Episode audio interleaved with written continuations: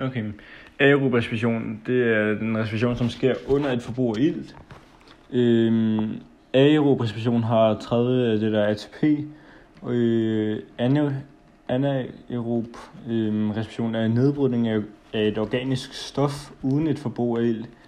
Øh, og den har to ATP.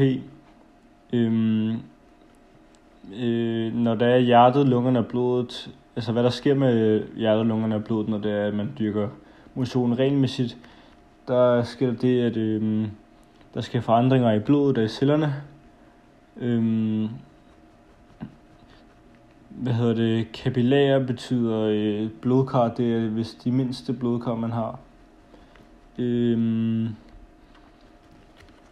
og de der mitokondrier, de øh, findes steder i, altså i celledelingers proces og ja, celleprocesser.